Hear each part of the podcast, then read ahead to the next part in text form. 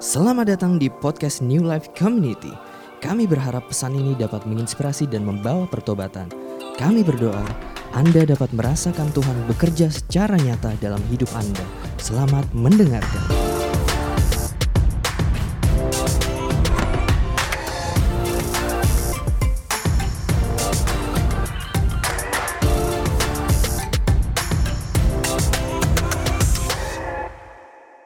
Shalom teman-teman semua dari NLC. Apa kabar? Aku berharap teman-teman semua dalam kondisi yang baik, sehat-sehat ya. Dan yang aku percaya adalah kita semua dalam pemeliharaan Tuhan yang sempurna sampai hari ini. Dan sebelum kita memulai sesi kita hari ini, kita mau berdoa dulu biar Roh Kudus memimpin sesi hari ini supaya apa pun yang disampaikan boleh menjadi berkat buat teman-teman semua. Bapak dalam surga kami mengucap syukur Tuhan untuk hari ini kalau Tuhan memberkati kami, Tuhan memelihara kami dengan sempurna, Tuhan masih memberikan kami hari-hari untuk kami jalani, kami percaya setiap hari yang Tuhan berikan kepada kami adalah uh, bentuk pemeliharaan Tuhan kepada kehidupan kami dan pernyataan bahwa Tuhan memiliki maksud dan tujuan supaya kami boleh hidup dan menjalani sesuai dengan kehendak Tuhan. Sebentar kami akan mendengarkan firman Tuhan, kiranya firman-Mu ini boleh menjadi benih yang subur dalam kehidupan kami. Berikan kami hati yang mau mendengarkan firman Tuhan, kami mau merenungkan dan kami mau melakukan dalam kehidupan kami sehari-hari. Sehingga kehidupan kami boleh berbuah dan banyak orang boleh menyaksikan kemuliaan Tuhan lewat kehidupan kami.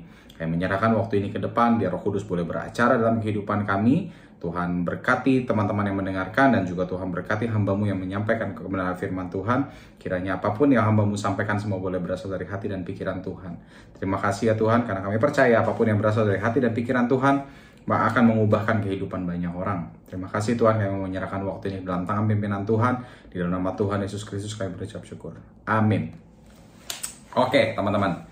Uh, hari ini aku diberikan sebuah tema oleh Komerik Thank you untuk Komerik dan seluruh pengurus yang masih memberikan aku kepercayaan untuk boleh sharing di depan teman-teman semua ya. Dan hari ini kita masuk ke dalam sebuah tema yang namanya good shape ya, di mana kita akan belajar bersama, kita akan menggali kebenaran firman Tuhan tentang bagaimana pentingnya sebenarnya kita merawat tubuh kita gitu ya. Nah, yang kita mau bahas hari ini sebenarnya adalah kita perlu mengerti bahwa manusia memiliki tiga unsur dalam kehidupannya. Sebagai manusia itu memiliki tiga hal. Teman-teman mungkin sudah akrab dengan istilah yang namanya tubuh, jiwa, dan roh, ya.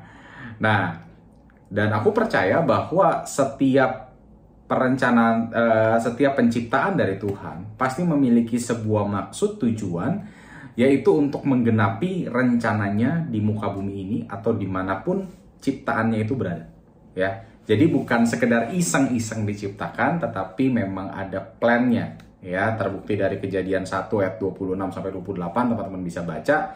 Ya uh, di situ Tuhan bilang baik baiklah kita menciptakan manusia menurut gambar dan rupa kita ya supaya mereka dapat supaya mereka dapat gitu ya. Ada ada dapatnya. Berarti kan ada ada tujuan di situ ada maksud yang mau dicapai dengan adanya manusia-manusia ini ya dan terlebih lagi yang kita perlu tekankan adalah bahwa kita diciptakan manusia itu diciptakan serupa dan segambar dengan Allah ya. Tentunya kenapa perlu serupa dan segambar dengan Allah? Karena perlu kapasitasnya Allah untuk menjalankan apa yang Allah mau ya. Kalau nggak kita baca sama-sama ya. Ini ayat sering kita bolak-balik bareng-bareng nih ya dalam kejadian 1 ayat 26 sampai 28 ya berfirmanlah Allah baiklah kita menjadikan manusia itu menurut gambar dan rupa kita supaya mereka berkuasa atas ikan-ikan di laut dan burung-burung di udara. Jadi ada kata supayanya nih ya. Dan atas ternak-ternak dan atas seluruh bumi dan atas segala binatang melata yang merayap di bumi. Maka Allah menciptakan manusia itu menurut gambar Menurut gambarnya, menurut gambar Allah diciptakannya dia, laki-laki dan perempuan, diciptakannya mereka. Ya, lalu Allah memberkati mereka. Lalu Allah berfirman kepada mereka, beranak cuculah dan bertambah banyak, penuhilah bumi dan taklukkanlah itu. Berkuasalah atas ikan-ikan di laut dan burung-burung di udara dan atas segala binatang yang merayap di bumi. Ya, Nah, dari perikop ini sebenarnya kita belajar bahwa yang pertama, Tuhan menciptakan manusia dengan segala hal yang ada dalam diri manusia ini, baik tubuh, jiwa, dan roh ini, dengan sebuah maksud dan tujuan. Ya, yang kedua, yang kita pelajari adalah Tuhan menciptakan manusia dengan potensi Allah di dalamnya supaya kalau dalam terjemahan bahasa Indonesia uh, dibilang bahwa supaya manusia ini bisa beranak cucu dan bertambah banyak dan memenuhi bumi dan berkuasa atas bumi ini. Tentunya dengan gambar dan rupa Allah, ya. Dan di sini kita bisa melihat juga bahwa kita diberikan kapasitas nih sama Tuhan. Nah, tetapi dalam bahasa aslinya kita ngomongin soal beranak cucu dan bertambah banyak, manusia ini menjadi uh, salah kaprah ya. Jadi banyak uh, dari kita, banyak dari dari orang-orang berpikir bahwa oke okay, berarti kita harus beranak pinak gitu ya. Kita harus beranak cucu karena potensi ini sudah ada di dalam diri kita.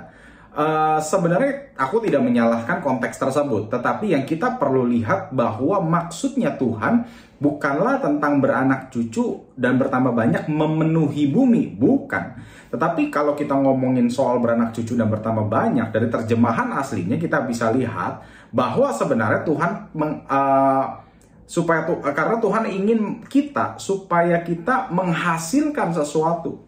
Dalam terjemahan lainnya di, disebutkan bahwa be fruitful and multiply. Berbuah, menghasilkan sesuatu, multiply, meningkatkan, mengembangkan, bertambah banyak ya. Tentunya hal ini disertai dengan kemampuan dari Tuhan untuk kita bisa mengelola apa yang ada di hadapan kita dan apa yang ada di dalam diri kita hari ini. Termasuk kalau dalam hari ini kita bahas tentang bagaimana kon konsepnya tentang tubuh, jiwa, dan roh. Ya. Nah, berarti apa pun yang Tuhan berikan kepada kita hari ini, ini adalah sebuah kondisi yang ideal ya apa pun kondisi kita apa pun kekurangan fisik kita bagaimanapun kondisi fisik kita ini adalah kondisi yang ideal ya mungkin teman-teman ingat juga ya dalam dua pasal ini eh, Yesus memberikan perumpamaan yang berbeda tetapi tentang satu uh, tema yang sama ya teman-teman mungkin uh, di Matius 24 ya Tuhan uh, Tuhan Yesus memberikan sebuah perumpamaan tentang hamba yang setia ya dan di dua di pasal 25 Yesus juga membawa tentang perumpamaan uh, tentang talenta ya. Dan teman-teman seperti yang teman-teman tahu perumpamaan tentang talenta itu ditutup dengan seperti ini kan. Uh, uh, baiklah apa yang kamu kerjakan hai hambaku yang setia engkau telah menger, uh, engkau telah setia terhadap hal perkara-perkara yang kecil ya masuklah dan turutlah berbahagia dalam uh, kebahagiaan Tuhanmu nah yang kita bisa lihat di sini adalah Yesus melihat Bapa melihat kesetiaan, ya. Yesus melihat kesetiaan.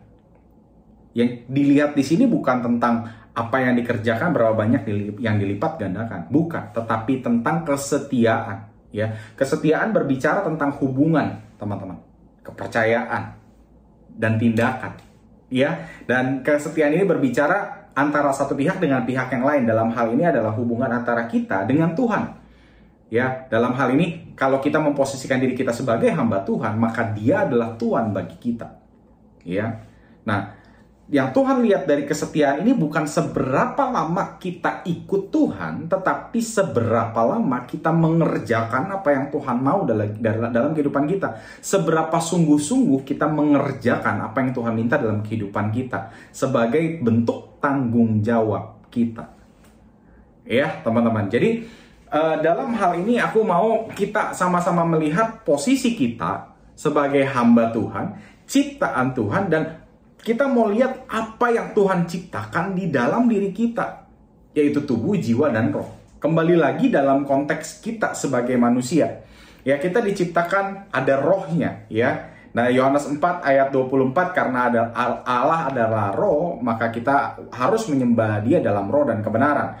Jadi uh, perwujudan kita penyembahan kita kepada Tuhan bukan tentang aktivitas fisik, tetapi bagaimana roh kita berpaut dengan Allah.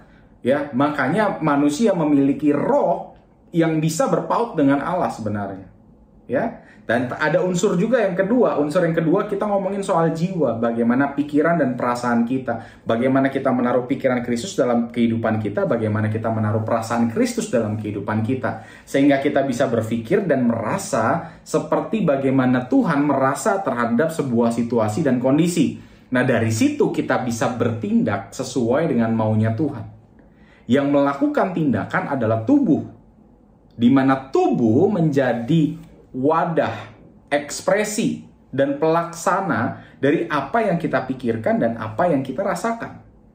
Tubuh ini merespon, teman-teman.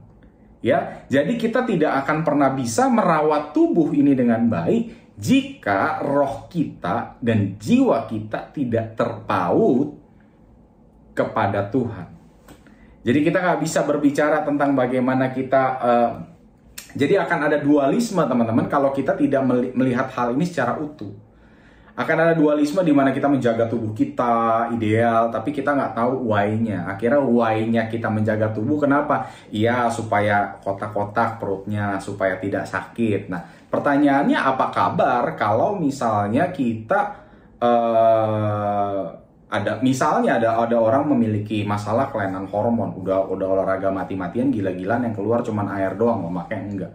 Itu ya jadinya jadi tetap besar. Nah jadi nggak berhasil dong gitu. Nah kembali lagi dalam kacamata kita sebagai hamba Tuhan kita harus melihat hal ini secara utuh. Bahwa kita adalah manusia yang lahir dari rohnya Allah memiliki pikiran dan perasaannya Kristus yang dilapis dengan tanah ya yang Tuhan bentuk dengan tanah yang itu adalah tubuh kita. Berarti harusnya tubuh ini melayani keinginan yang di dalam. Nah, dalam hal mengelola teman-teman ya. Tadi kan be fruitful and multiply ya, berbuahlah ya, menghasilkan sesuatu dan bertambah banyak.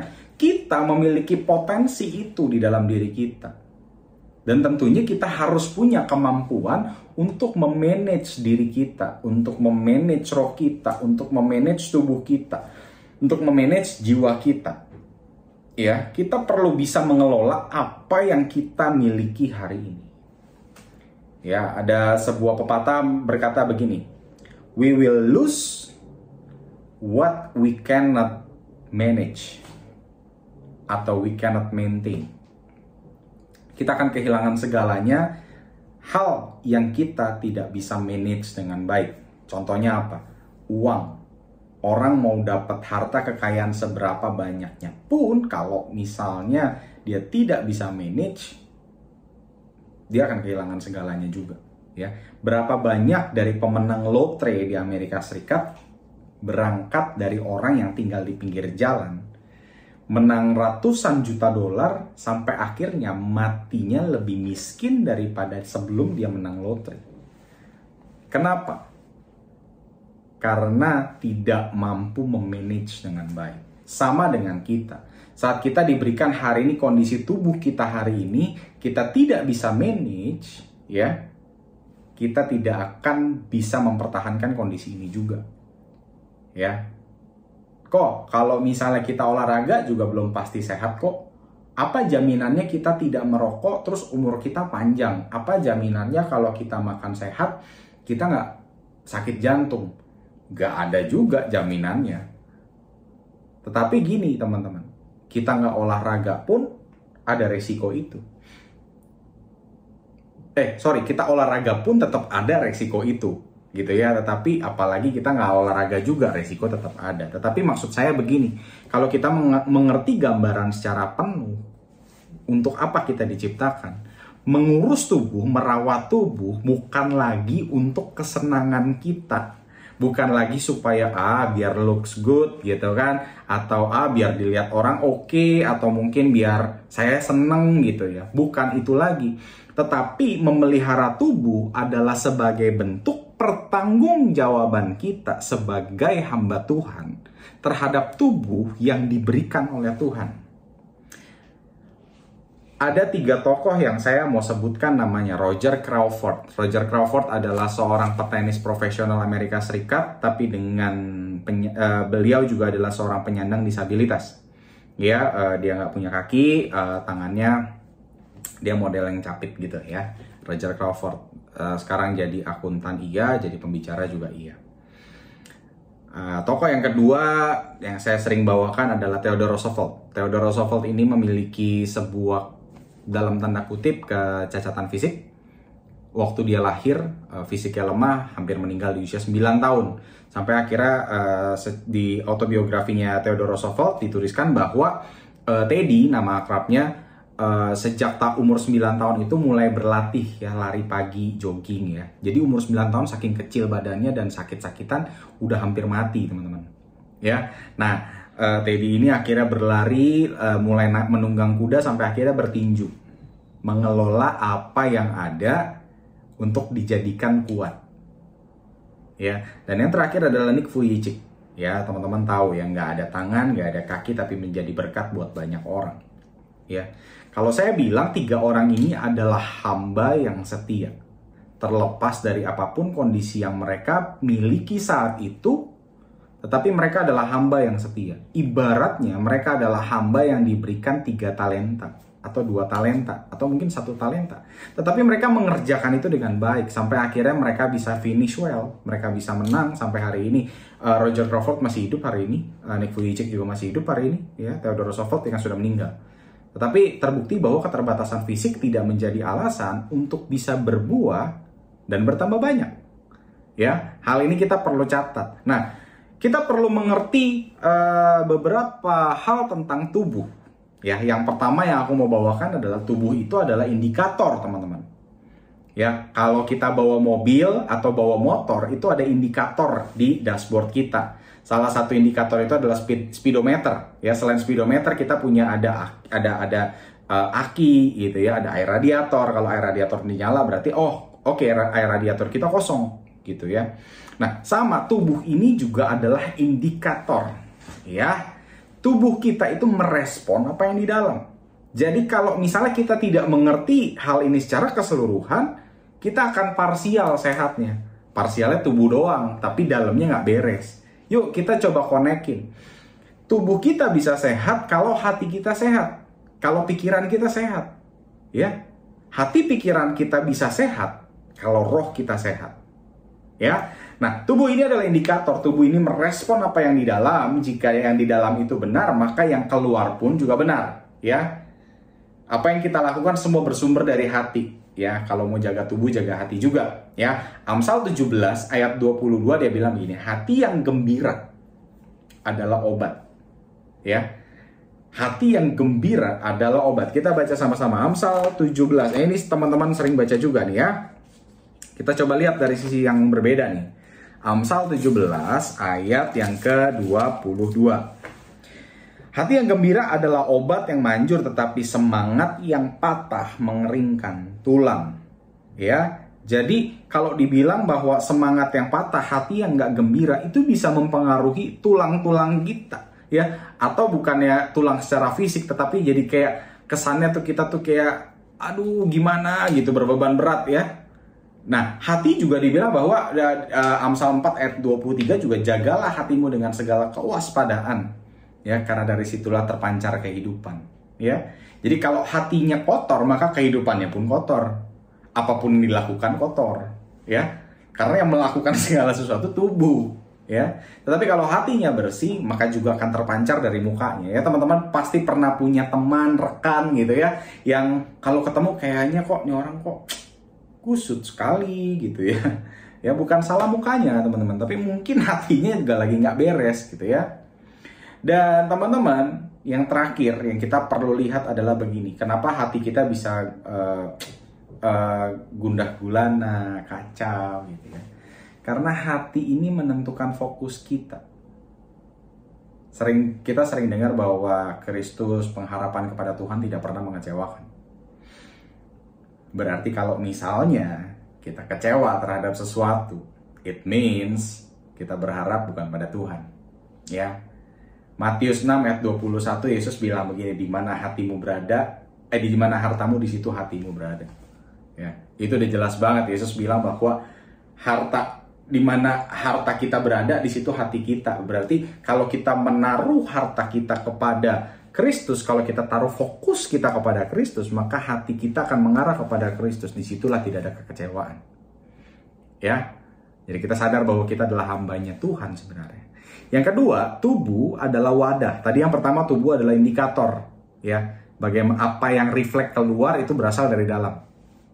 Yang kedua adalah tubuh adalah wadah, ya. Dalam 1 Korintus 6 ayat 19 sampai 20 uh, di sini Paulus menuliskan bahwa uh, 1 Korintus 6 ya ayat ke 19 sampai 20 atau tidak tahukah kamu bahwa tubuhmu adalah bait Roh Kudus yang diam di dalam kamu dan Roh Kudus yang kamu peroleh dari Allah dan bahwa kamu bukan milik kamu sendiri ya. Jadi maksudnya adalah kita ini bait Roh Kudus. Kita itu tubuh kita itu adalah bait Allah, tempat Allah bernaung. Fisik kita, tempat jiwa dan roh kita juga bernaung. Tubuh kita adalah wadah. Jadi tidak bisa semena-mena kita bilang begini. Ah, kita kan udah menjaga kekudusan. Ya, kita kan udah menjaga, uh, kita kan udah pelayanan nih. Boleh dong kita makan makanan yang enak ya. Yang dalam tanda kutip tidak menyehatkan sebenarnya gitu ya. Tidak baik bagi tubuh kita tapi kita makan ya. Nggak apa-apa lah sudah dikuduskan ngomongnya gitu ya. Atau misalnya ayo dong olahraga dong. Aduh malas bro. Nggak apa-apa lah pagi-pagi gue saat teduh aja yang penting mah saat teduh ya. Uh, olahraga nggak gitu penting lah nah ini sama aja kayak kita ngomong begini Rumah nggak usah diberesin. Bocor nggak apa-apa. Rayap nggak apa-apa. Miring dikit nggak apa-apa. Ya, yang penting tuh kita di dalam rumah tuh ragem, ya, akrab. Ini nggak usah diberesin nggak apa-apa. Padahal kita punya kemampuan untuk beresin. Ya, sama kayak kayak gitu. Ya, ini sama kayak kita bilang bahwa udah sudah dikuduskan semuanya ya. Nah, teman-teman ini kesannya rohani, tetapi ini adalah sebuah kesalahan yang besar. Memang kita melayani Allah yang adalah roh. Tuhan melihat sikap hati kita. Tetapi Tuhan menitipkan kepada kita manusia yang bentuknya fisik untuk kita layani. Bagaimana kita kita diberikan roh oleh Tuhan untuk kita bisa berkomunikasi sama Tuhan, untuk kita bisa berpaut sama Tuhan.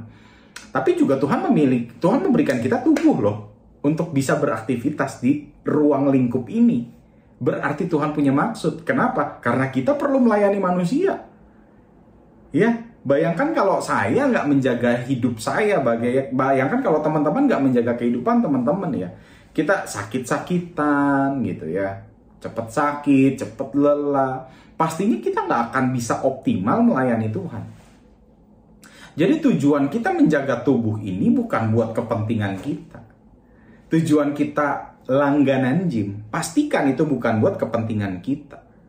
Tujuan kita istirahat tidur, menol sometimes kita menolak ketemu orang, pastikan juga itu bukan untuk kepentingan kita.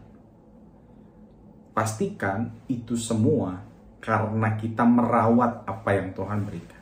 Ya, di satu sisi saya saya sempat uh, di satu momen saya tidak mau terima orang tidak mau ketemu orang karena saya dan istri terlalu lelah.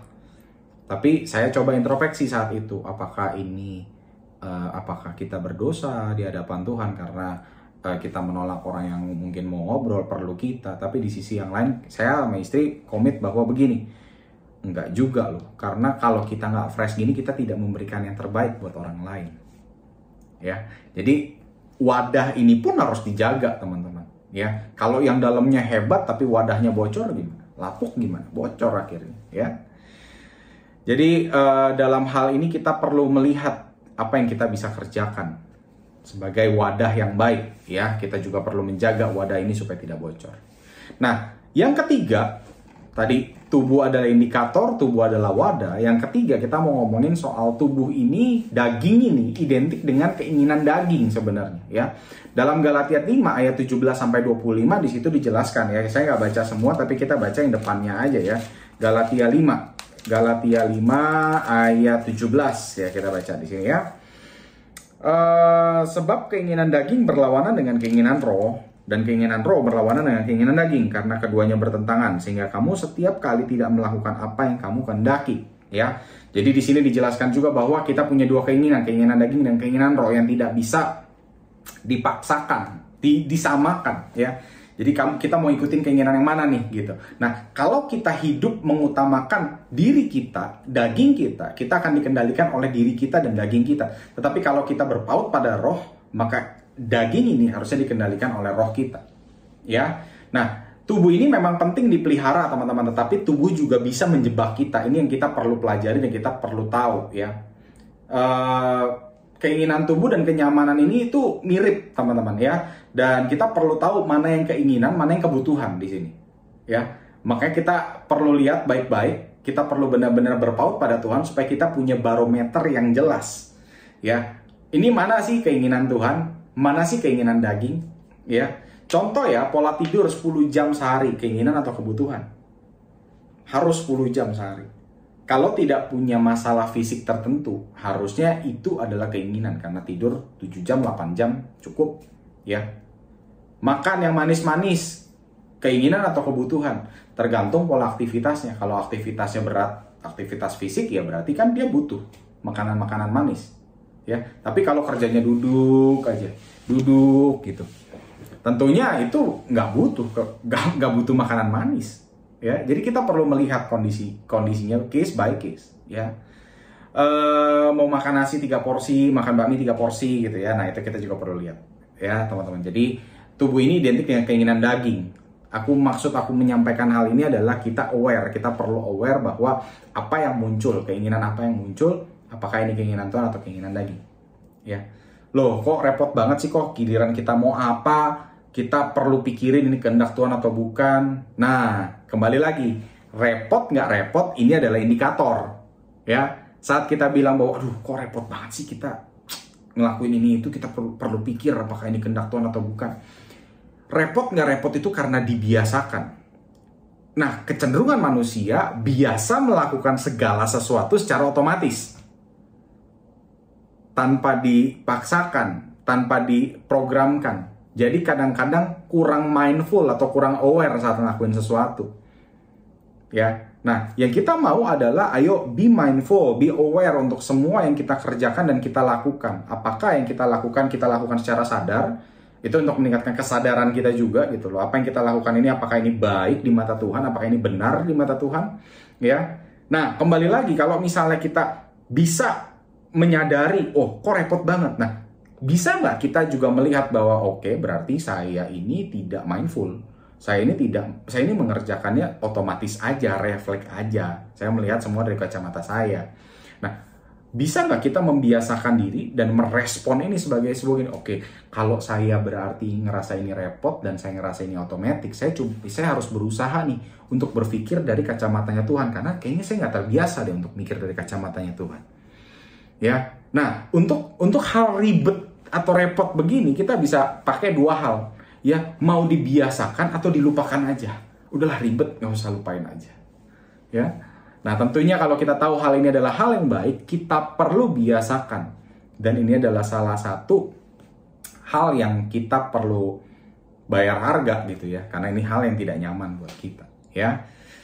Nah semua hal ini ya tubuh sebagai indikator wadah ya dan tubuh ini bisa memberikan satu uh, warning-warning keinginan daging ya. Kita perlu pahami supaya apa sih? Supaya kita tuh menjadi hamba yang maksimal di hadapan Tuhan.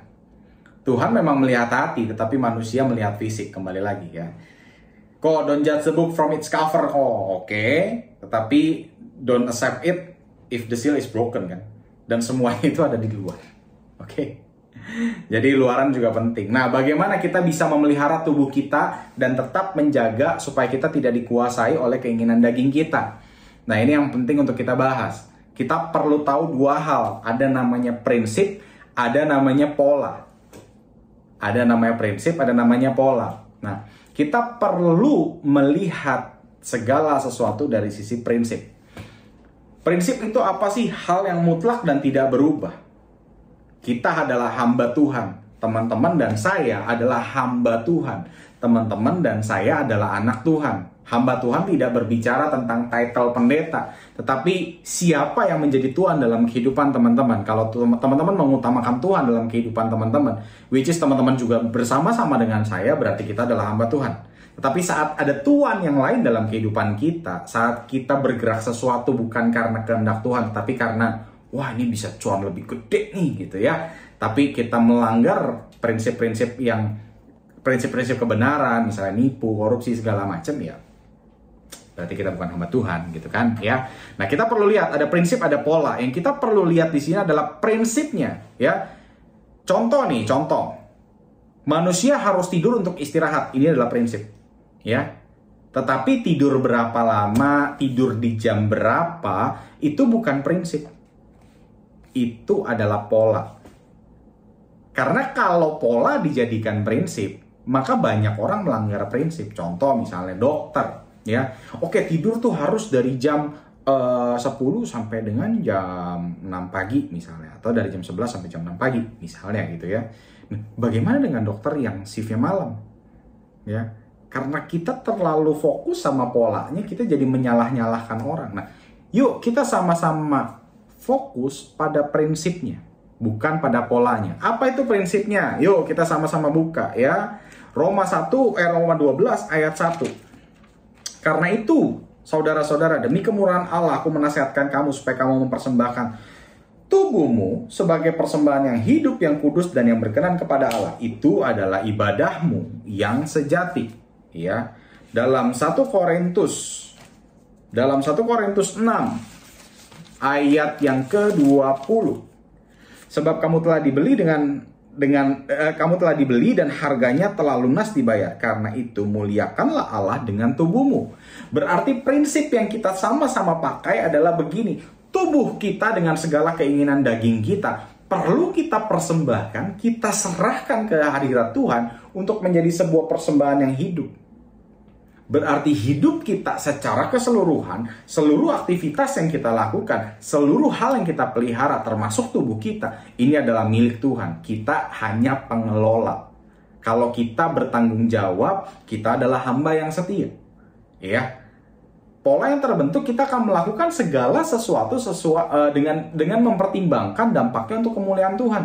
Karena kita tahu tujuan kita hidup adalah untuk kemuliaan Tuhan. Ini adalah fokus uh, yang kita miliki saat kita menerima Kristus sebagai Tuhan dan Juru Selamat. Ya, kalau kita berfokus pada pola ya kita jadinya fokus sama, hmm, aduh, nih dosa nggak ya kalau ngelakuin ini? Bukan pada dosa atau nggak dosa. Tuhan seneng nggak sih kalau kita ngelakuin itu?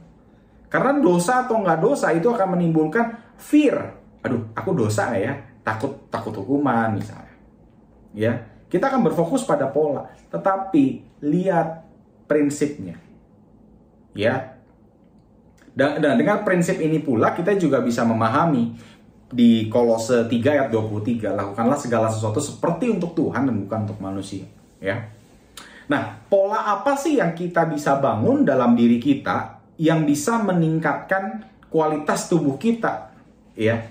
Yang bisa menjaga kualitas tubuh kita. Ingat kembali lagi, kita perlu menjaga kesehatan dari tiga hal ini, tubuh, jiwa, dan roh. Dan kesehatan itu sifatnya perlu dijaga, sifatnya bukan kekal, perlu dijaga. Nah, apa yang kita perlu lakukan supaya tubuh kita tuh segar, ya? Nah, yang pertama adalah melekat pada sang sumber. Kok lu nggak nyambung deh? Kita lagi ngomongin fisik, kok lu ngomonginnya roh? Teman-teman ingat, kalau kita hidup oleh roh, biarlah roh yang memimpin kehidupan kita. Bukan keinginan daging kita. Sebab keinginan daging dan keinginan roh berlawanan. Ya, dalam Yohanes 15 di situ disebutkan perumpamaan tentang pokok anggur yang benar. Kita adalah ranting dan Tuhan adalah sumbernya. Kita melekat pada sumber, otomatis kita akan menghasilkan buah. Ya, dan saat kita bisa menghasilkan buah berarti kita berfungsi dengan baik. Kita adalah ranting yang sehat. Ranting yang sehat adalah ranting yang menempel pada sumber dan menghasilkan buah. Kalau gizinya dari ranting dan pohon tidak terputus, tidak ada hambatan, maka ranting ini juga akan menjadi besar dan ranting ini juga memiliki buah. Dalam kehidupan kita, kita berusaha apa menghasilkan buah, menghasilkan buah. Pertanyaannya apakah kita melekat pada sang sumber atau enggak? Kita mau menjaga tubuh kita sebagai hamba Tuhan, ya, sebagai tanggung bentuk tanggung jawab kita sebagai hamba Tuhan, tapi kita tidak melekat pada sang sumber. Bagaimana kita bisa berbuah? Menjaga kesehatan kita juga termasuk buah loh. Ya. Nah, untuk kita bisa menempel tersebut kita memiliki beberapa hal. Ya kita memiliki hatinya Tuhan kita memiliki pikirannya Tuhan kita mengerti. Karena kita saluran. Apa yang didapatkan di batang disalurkan kepada ranting. Dan teman-teman kalau kita bisa melekat pada sang sumber kita akan memiliki ucapan syukur untuk semua yang kita terima hari ini. Apa pun kondisi fisik kita tinggi pendek gemuk kurus cungkring ya. Kita bisa menerima hal tersebut dan kita bisa bukan sekedar menerima tetapi kita bersyukur. Bukan sekedar bersyukur tapi kita terus mengolah diri kita tubuh kita untuk menjadi lebih baik dan lebih sehat. Apakah menjamin? Pasti sehat? Belum tentu. At least kita sudah melakukan bagian kita. Bagian Tuhan adalah memelihara kondisinya tetapi bagian kita adalah mengusahakan ya. Jadi janganlah kembali lagi kita fokus pada ya aku kan harus sehat. Bagus harus sehat. Tetapi bukan itu poinnya. Menyenangkan hati Tuhan itu poinnya. Ya. Nah, teman-teman, yang pertama melekat pada sang sumber. Terus yang kedua, bagaimana nih supaya kita uh, fisiknya bisa terjaga? Pasti teman-teman udah jawab istirahat, olahraga, aku mau sebelum mau ngomongin soal istirahat dan olahraga, aku pengen membuka satu fakta bahwa kita harus punya waktu untuk sendiri. Jadi yang pertama melekat pada sumber, yang kedua memilikilah waktu untuk kita sendiri, ya. Nah, dalam Yohanes 6 ayat 15, kita sama-sama lihat ya, Yohanes 6 ayat 15. Teman-teman bisa cek deh. Matius 14 ayat 23 ya. Di situ dijelaskan di uh, di kitab uh, Matius dan Yohanes bahwa Yesus itu berdoa atau enggak Yesus itu pergi seorang diri. Jadi Yesus itu juga punya waktu untuk dia sendiri. Ya. Kenapa sih uh, perlu banget waktu untuk sendiri? Apa-apa yang dilakukan, ya? Nah, sebelum kita lanjut ke sana kita lihat lagi nih, ya, di Yesaya 30. Nah, ini ya Yesaya 30 ayat 15 sampai 16. Nah, ini menarik, teman-teman. Ya.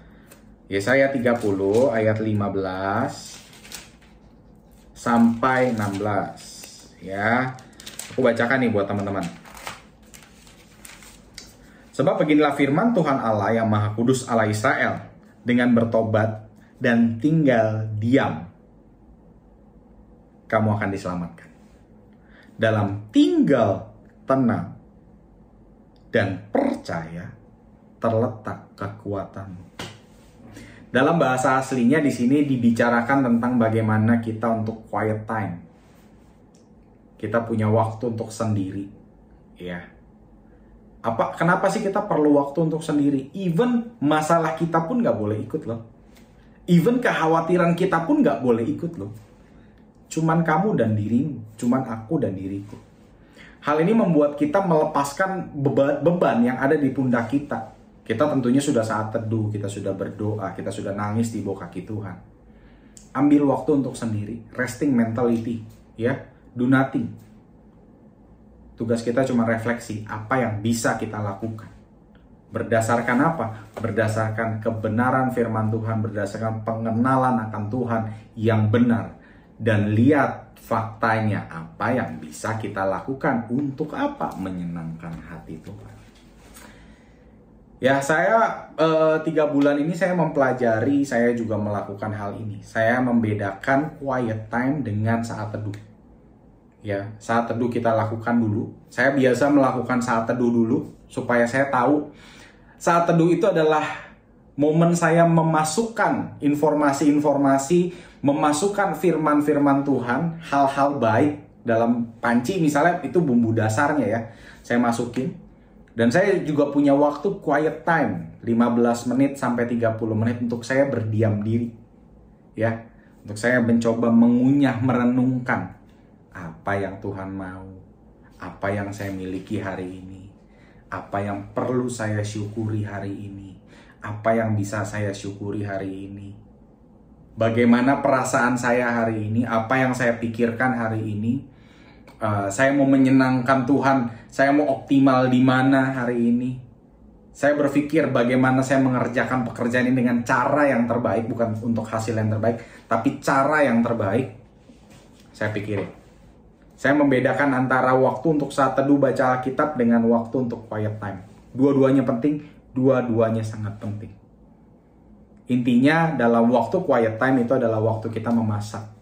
Tenangkan diri kita. Nah, di sini firman Tuhan bilang e, bagus banget ya di dalam Yesaya dia bilang begini loh, sebab firman Tuhan Allah loh. Ini Allah yang ngomong loh. Ya.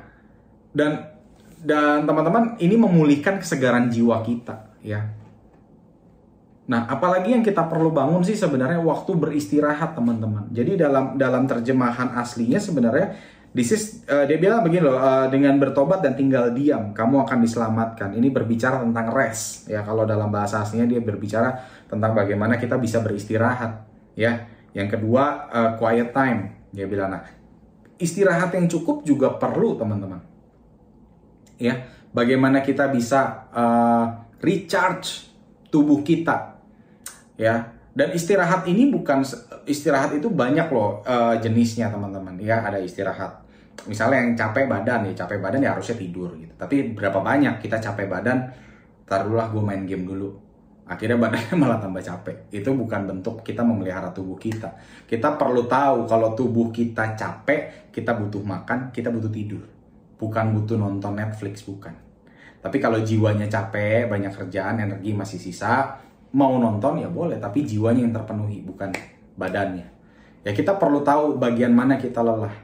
Kalau fisik ya tidur teman-teman. Ya. Nah banyak orang gelisah orang nggak bisa tidur orang nggak bisa rest orang nggak bisa quiet. Kenapa? To worry terlalu khawatir. Ya.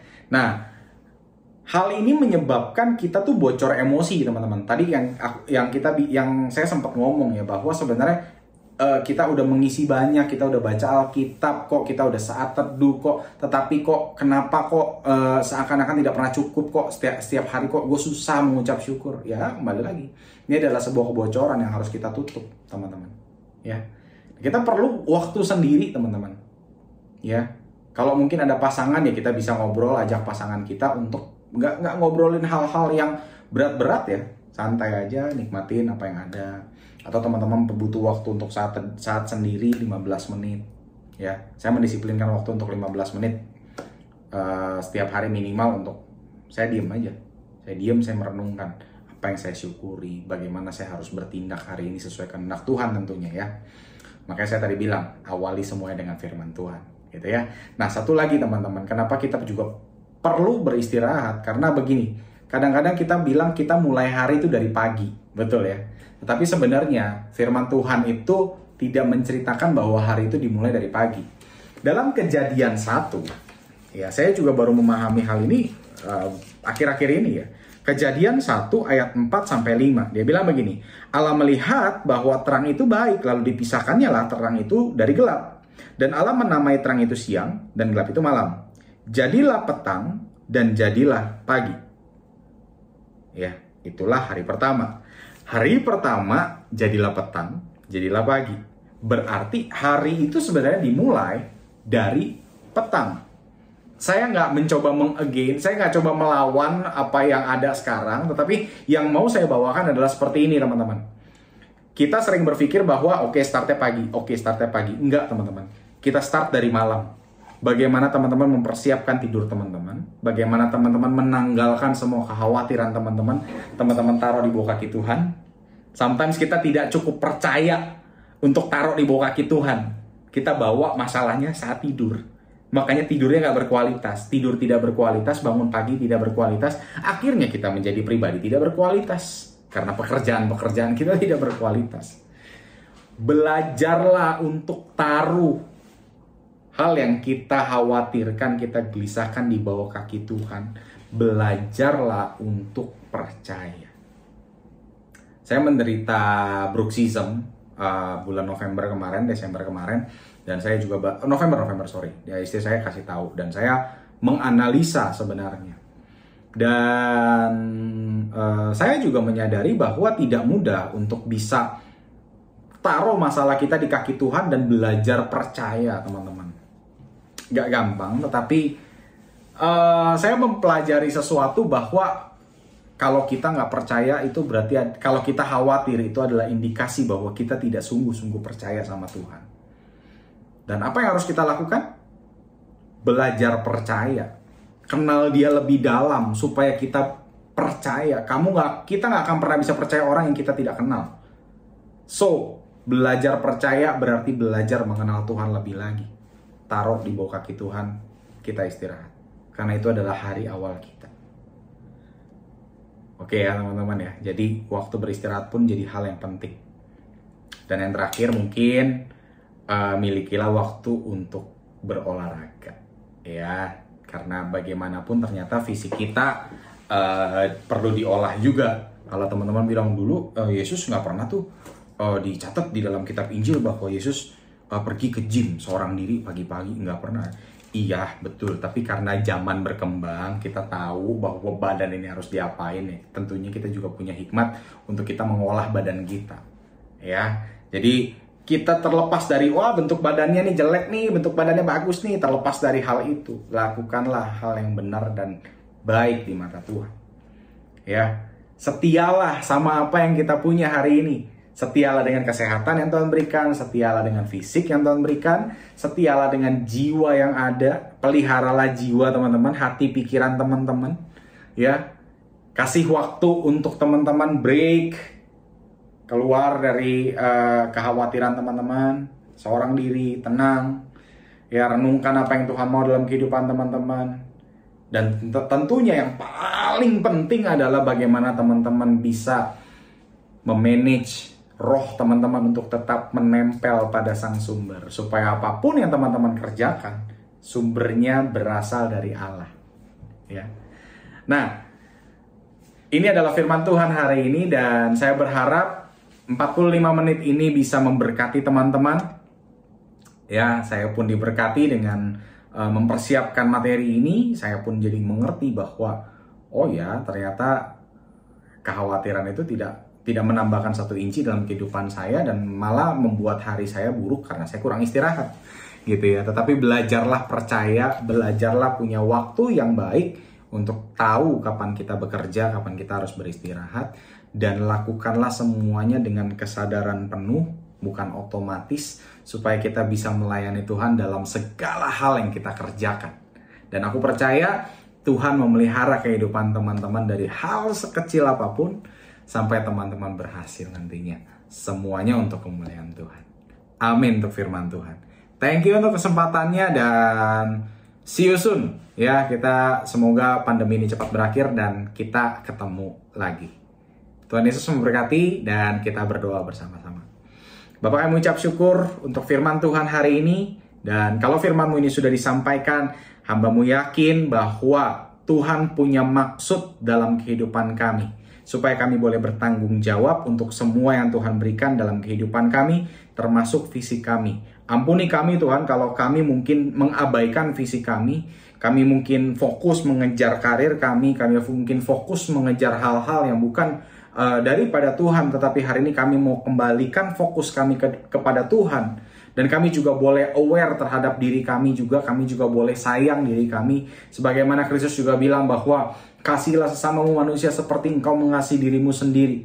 Kami juga boleh belajar mengasihi diri kami supaya kami boleh sempurna juga mengasihi orang lain sama seperti Kristus mengasihi kami.